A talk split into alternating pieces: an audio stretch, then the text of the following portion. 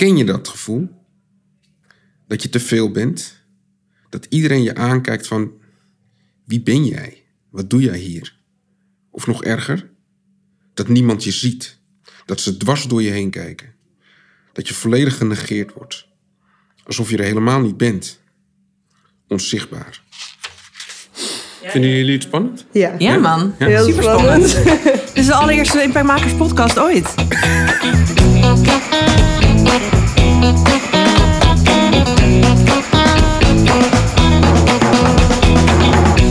Hallo allemaal. Dit is de allereerste Impactmakers podcast ooit. Ik ben Vera. En ik ben Bernadette. En in de komende afleveringen praten we met creatieve makers over hun projecten waarmee ze een of het verschil willen maken. Impact dus. Maar hoe doen ze dat en met wie? En voor wie? Daar gaat het over in de Impactmakers podcast. In deze historische allereerste aflevering ooit gaan we in gesprek met documentairemaker Martijn Blekendaal over zijn nieuwe project De Onzichtbare en over zijn rol als maker. De Onzichtbare is een lange jeugddocumentaire over kinderen die door nood gedwongen het vermogen hebben ontwikkeld om ongezien en onopgemerkt door het leven te gaan. De film vertelt het verhaal van een filmmaker die het plan opvat om met behulp van die kinderen een onzichtbare superheld te creëren, die als beschermengel over hen en hem kan waken. Chiruti Film is de producent in co-productie met Associate Directors en de betrokken omroep is VPRO. Martijn, welkom. Wat te gek dat je er bent voor dit monumentale moment in de geschiedenis van Impactmakers. En de mensheid. En de mensheid. mensheid, ja, zeker. Ja, Ja. zeker. Ehm, dus, om te beginnen, kan je ons iets meer vertellen over de onzichtbare? Ja. Ehm, Onzichtbaar is, ehm, is een jeugddocumentaire eh, voor jongeren, kinderen tussen de 10 en de 15. Maar eigenlijk voor alle leeftijden. Dus ik heb altijd een beetje het idee van een soort dat oude Disney-idee... dat je een film maakt voor kinderen... maar dat eigenlijk de ouders het ook leuk vinden. Interessant. In dit geval is het verhaal... ehm, eh, het gaat dus over kinderen die op een of andere manier... noodgedwongen onzichtbaar moeten zijn. Of hebben moeten zijn.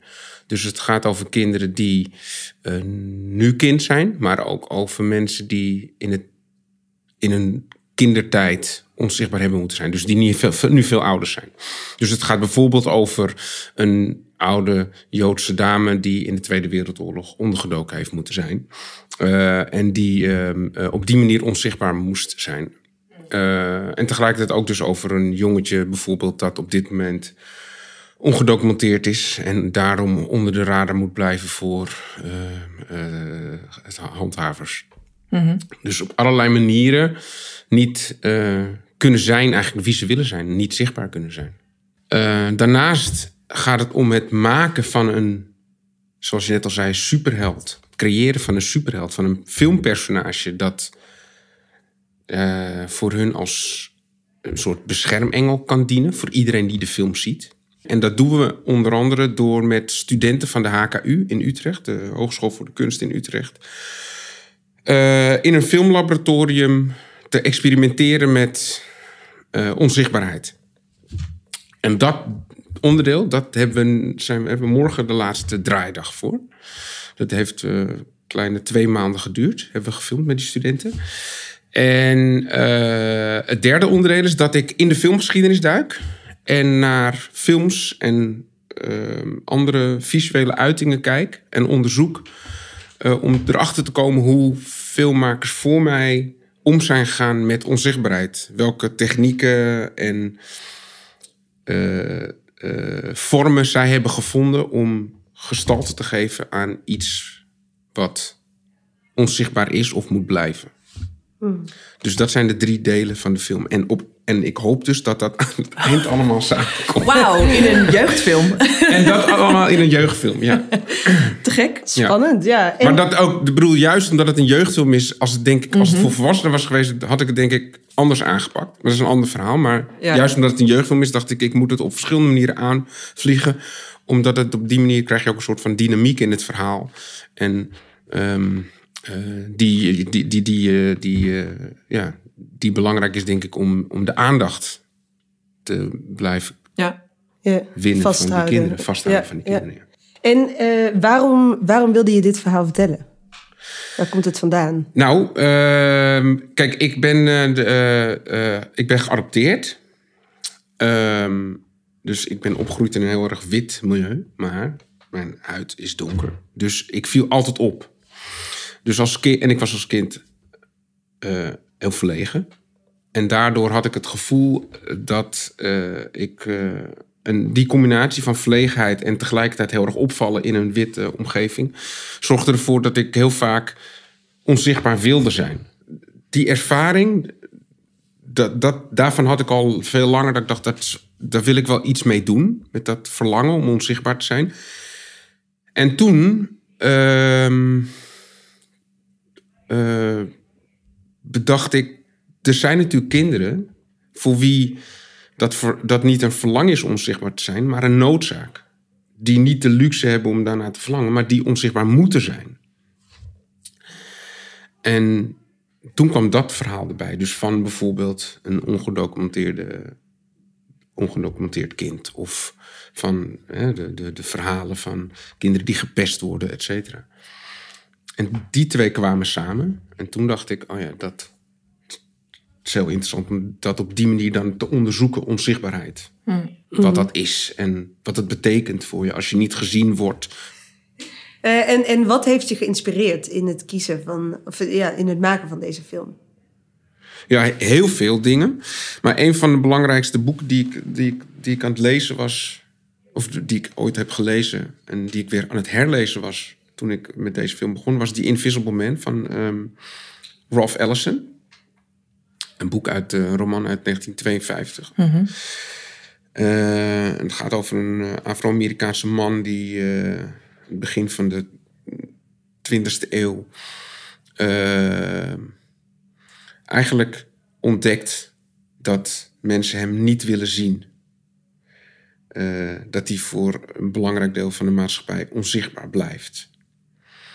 En eh, eh, de- het, het leed en het lot van de Afro-Amerikanen in de Amerikaanse samenleving, maatschappij, was in de jaren 50 natuurlijk erbarmelijk en werd niet gezien. En, ehm, eh, en nog steeds, maar dat was toen natuurlijk van een totaal andere orde. Ehm, en daar gaat die roman over. En, en er zit een proloog in, die is echt, als alleen al die proloog, die is echt fantastisch. En het, die boek, het boek gaat echt soms door, eh, door merg en been. Daarna ook. Maar die proloog vond ik, die is, die is zo mooi. En daar had ik dus, en dat, dat ehm, ik, ik vertelde al dat, dat ik in deze film dus een voice-over heb, waarin ik eigenlijk de, de kijker, en ik richt me dan tot een jonger publiek, eh, eh, mee op sleeptouw neem. Over de dingen die ik heb gelezen en gezien. En ik lees daar, ik vertel daar dus ook over The Invisible Man, over dat boek, dat ik dat boek heb gelezen zonder het op die manier te benoemen. En dan, ehm de bedoeling is dus dat deze tekst op een of andere manier in die film terechtkomt. Ehm, Een primeur krijgen we. Sneak preview. Ja, en ik moet ook nog op zoek naar de toon hoe ik dit vertel. Maar goed. Pro- Ehm, Probeer er vast ja probeer het. Ken je dat gevoel? Dat je te veel bent? Dat iedereen je aankijkt van... Wie ben jij? Wat doe jij hier? Of nog erger? Dat niemand je ziet. Dat ze dwars door je heen kijken. Dat je volledig genegeerd wordt. Alsof je er helemaal niet bent. Onzichtbaar. Ik heb eens een boek gelezen over een man die al zo lang het gevoel had dat, hij, dat niemand hem zag dat hij begon te twijfel, twijfelen of hij überhaupt nog wel bestond. Hij woonde weggestopt in een grot onder de grond en noemde zichzelf de onzichtbare man. Hij sprak in raadsels. De waarheid, zei hij, is het licht en het licht is de waarheid. Of ik kan de duisternis van het licht zien. Ik heb nooit begrepen wat hij daar nou precies mee bedoelde. Maar weet je wat hij toen deed? Hij hing zijn kamer vol met lampen. 1369 gloeilampen om precies te zijn, die allemaal op hem schenen. Om dan in ieder geval in zijn eigen schuilplaats zo zichtbaar mogelijk te zijn. Alleen dat gaf hem het gevoel dat hij bestond. Dat hij iemand was. Het is misschien wel het meest eenzame verhaal dat ik ooit heb gehoord. ken hem niet persoonlijk. Ik heb geen idee waar hij woont. Maar waar hij ook is, dacht ik. Zou ik zijn pijn kunnen verzachten? Zou ik als filmmaker iets voor hem kunnen betekenen? Dat, eh, Wauw. dus. eh, is, dus je hebt ook een hele, hele toffe foto. Nou ben ik ook weer de naam van die fotograaf. Zo'n mooie foto. Dan zie je een man zitten in een, in een grot. En die grot hangt helemaal vol met lampjes. Oh ja. Maar dat beeld, dat is zo, vind ik zo aangrijpend. Ja. Dat je alle lampen op jezelf richt Ja. om maar gezien te worden. Ja. En dat je dat in een grot doet. En dat hoeveel lampje daar, hij daar ook ophangt, niemand ziet hem. Alleen, En ook gezien voor, voor wie je werkelijk bent of zo. Precies, niet alleen ja. naar een, Ja. een huls. het is niet alleen letterlijk, het is inderdaad Ja. ook, ja, precies.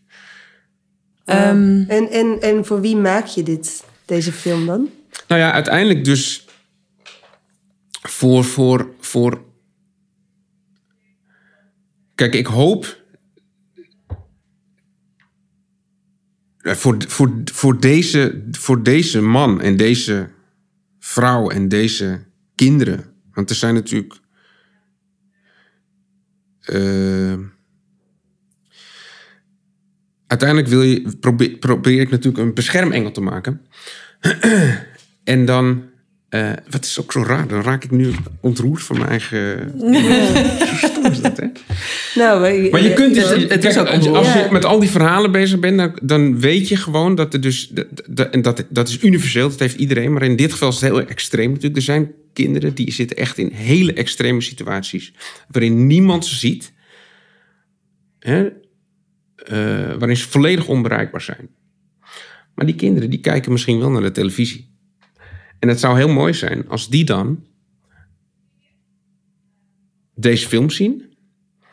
En aan het eind van die film denken: die persoon die daar onzichtbaar is, maar wel allerlei andere mensen kan helpen, die superheld die jij gaat die maken. superheld. Misschien is die, die, is die nu hier ook wel in de kamer. En ben ik niet alleen. Nou, dat.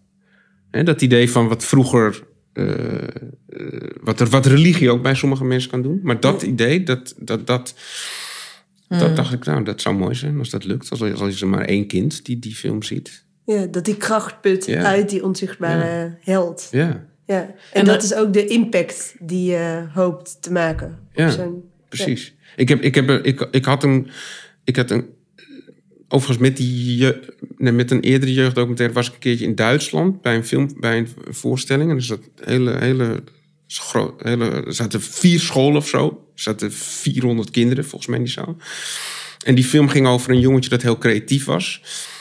En toen aan het eind van de film, je ziet mij helemaal in ook in die film zie je mij helemaal aan het eind van de film. En toen moest ik eh, aan het eind van de film ging dan iets vertellen voor die klas. En toen stond er een jongetje op.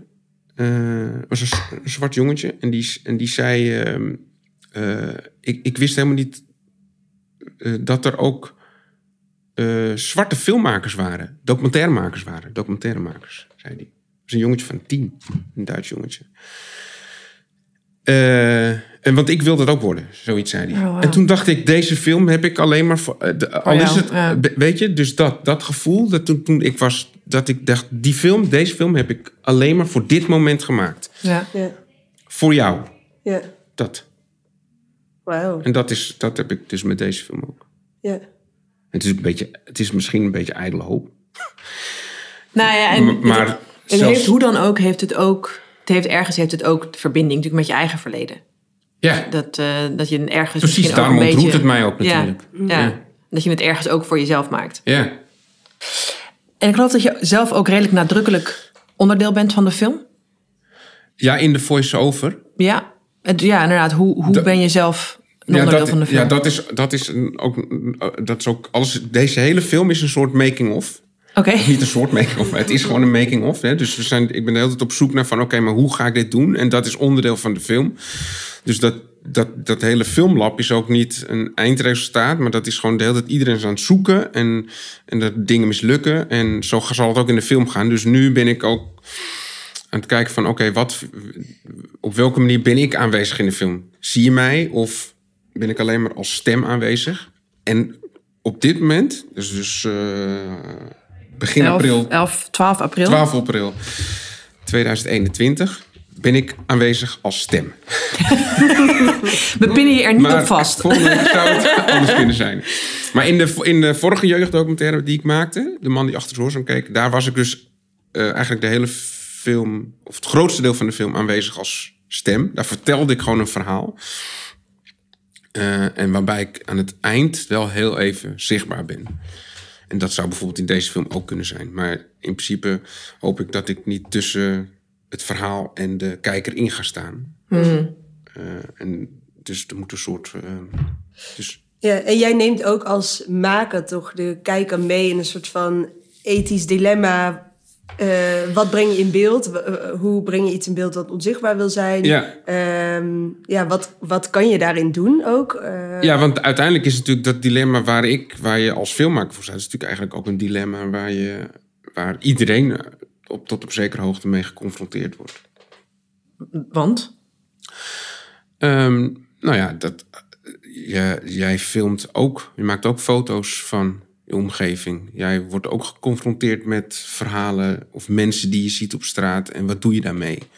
En vertel je dat door? Ja, en is het schadelijk voor de Precies, hoofdpersoon? ja. Ja. Ja, nou, en daarin, want ik, de, die vraag is denk ik inderdaad relevant voor iedereen. Maar jij als maker hebt toch weer een beetje een andere verantwoordelijkheid, omdat je iets de wereld inbrengt, zeg maar, omdat je iets vastlegt op beeld. ja.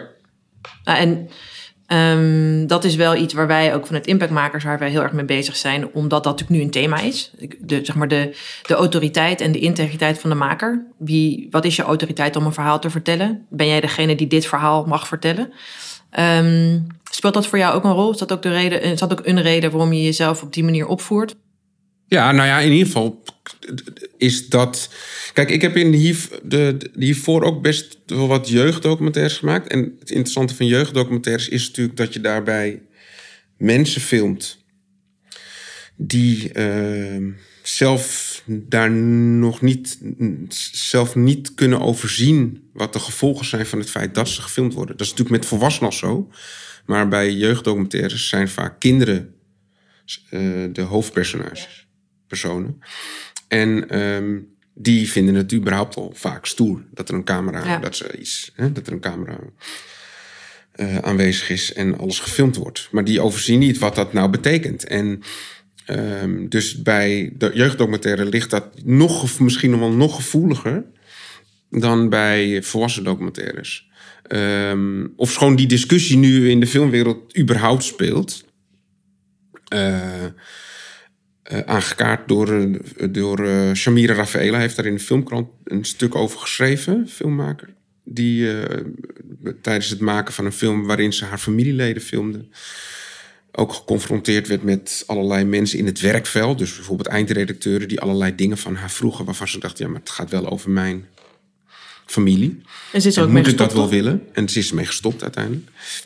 Ehm, en dat soort dilemma's, eh, in haar geval ging het natuurlijk over familie, maar dat soort dilemma's spelen natuurlijk ook bij eh, andere makers. Speelt bij iedereen, ook als het niet je familie is die je filmt. En bij, op het moment dat het niet je familie is, is het misschien wel iets makkelijker. Omdat je op een gegeven moment die mensen die je gefilmd hebt, die, die, ja, die raken uit zicht, weet je. Die, die- op een gegeven moment verlies je daar uiteindelijk toch contact mee. Terwijl je familie, daar, hè, daar heb je altijd contact mee. En dat is, komt ook veel dichterbij dan op het moment dat je eigen familie moet filmen. Maar die, die vraag van, kan ik dit wel doen? Kan ik dit filmen? Kan ik dit, hoe moet ik dit dan filmen? En kunnen we het eigenlijk vervolgens dan wel uitzenden? Die vraag, daar word je voortdurend mee geconfronteerd. En de vraag is, hoe, hoe ga je daarmee om? En in deze film wordt dat expliciet. Dacht ik, dat is heel goed om daar eens expliciet over, eh, om dat expliciet te maken. Maar ik heb in die jeugddocumentaires die ik heb gemaakt, daar zitten best wel scènes in waarvan ik achteraf nu, waar ik nu denk, nou ja, dat is best pijnlijk. Ook al werd dat toen niet zo door dat jongetje ervaren en ook niet door de ouders. Toch denk ik nu, nou, ik weet niet of ik dat nou wel weer op dezelfde manier zou doen.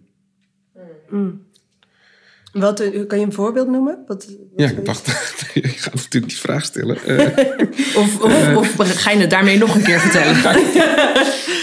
Nee, nou ja, dat, eh, precies. En dan Dat al is onze interessant, luisteraars. Dat is interessant, want, Ja. want, want het- stel, ik, ga dit nu, stel, ik vertel dit nu, hè, en dan denkt iedereen, oh, dan wil ik het eigenlijk wel eens zien. Wil ik het zelf zien. Ja. En dan gaat iedereen Ja, precies. Misschien Toch? moeten we deze vraag overslaan. Nee, maar het, ik bedoel, maar het, het- uiteindelijk gaat het, het gaat over een. Het, is, het was een jeugddocumentaire waarin een jongetje gefilmd werd dat in een moeilijke thuissituatie zat.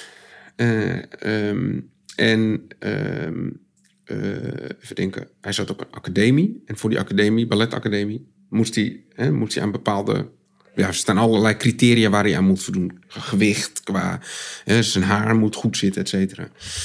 En die, dat was in zijn, gezien zijn thuissituatie ingewikkeld. Omdat ze aten niet zo gezond. Zijn ouders hielden niet zo heel erg rekening met die eisen die er van hem, aan hem gesteld werden door school.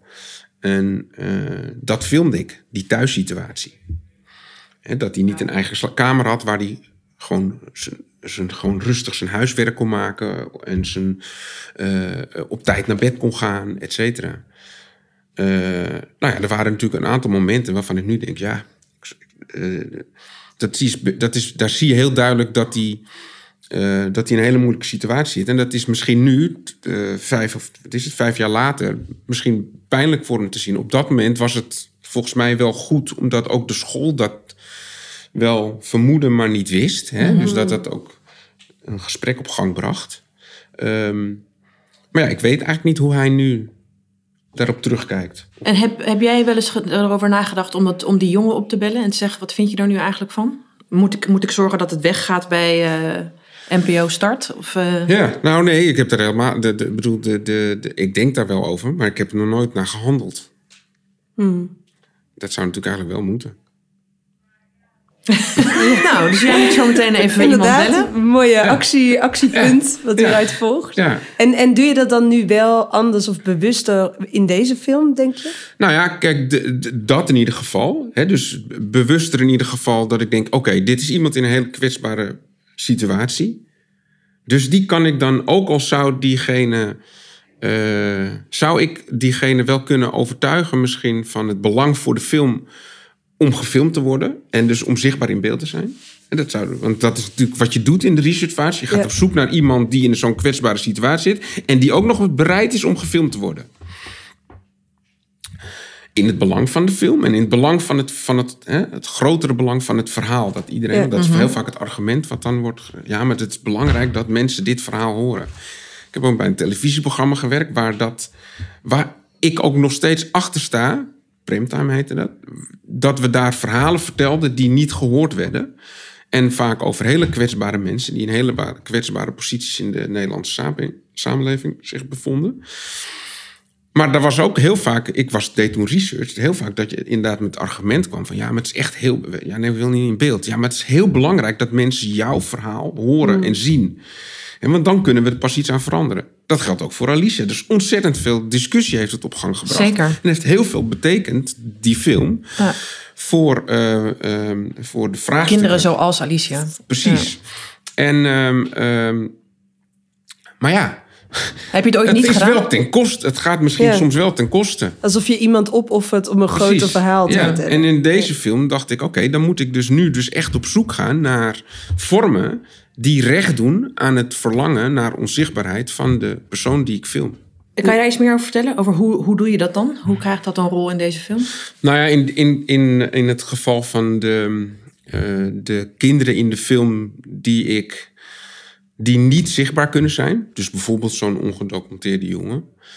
ehm, daar, ik heb dus voor ieder personage bedacht een eigen visuele vorm om zijn of haar ehm, aanwezigheid vorm te geven.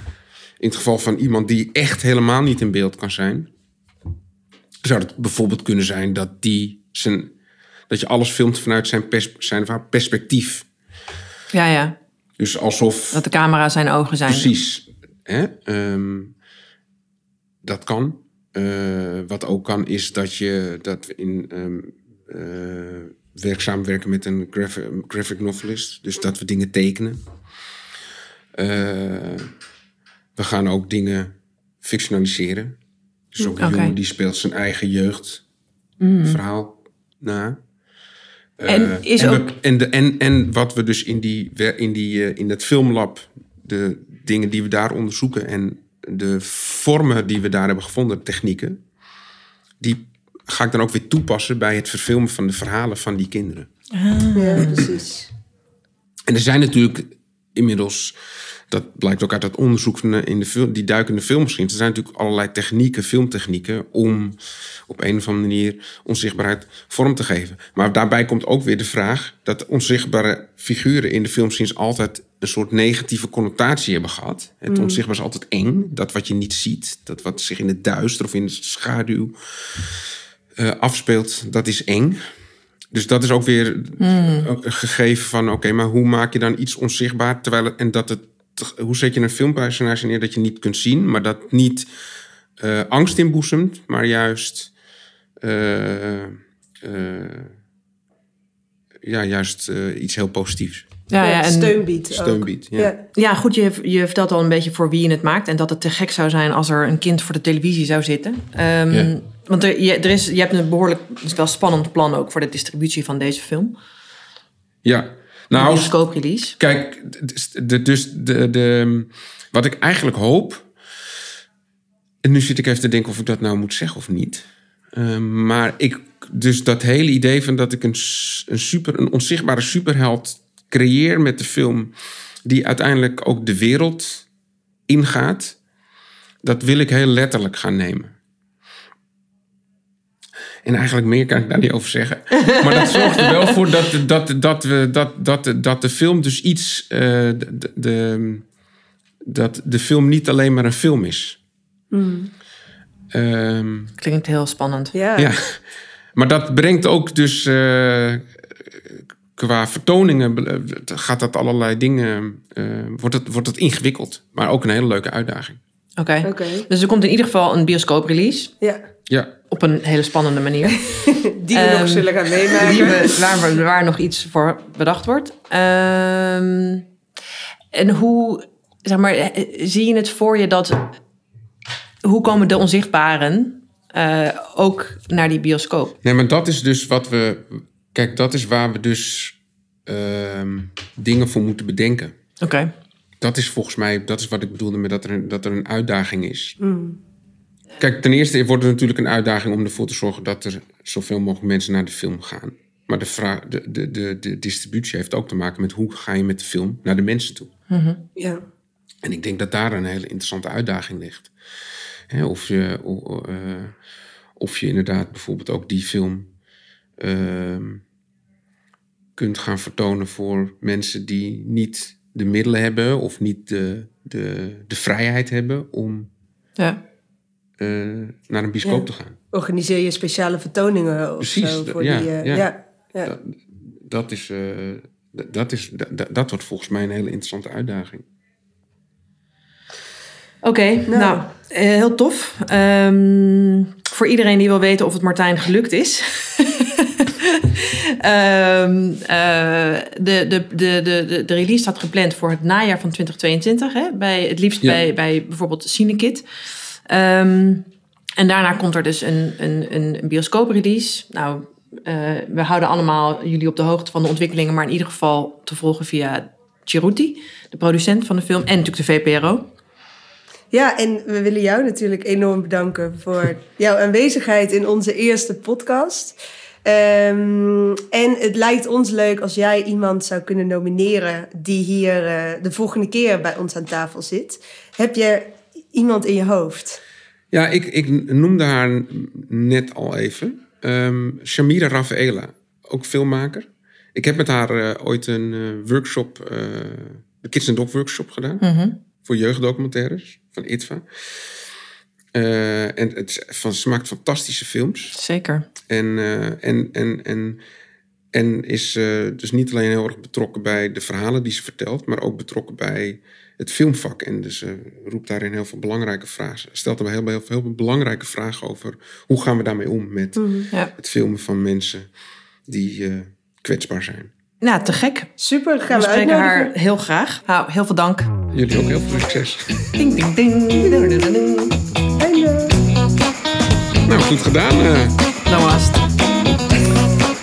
Jezus, wat hebben we lang gepraat, man. Zo.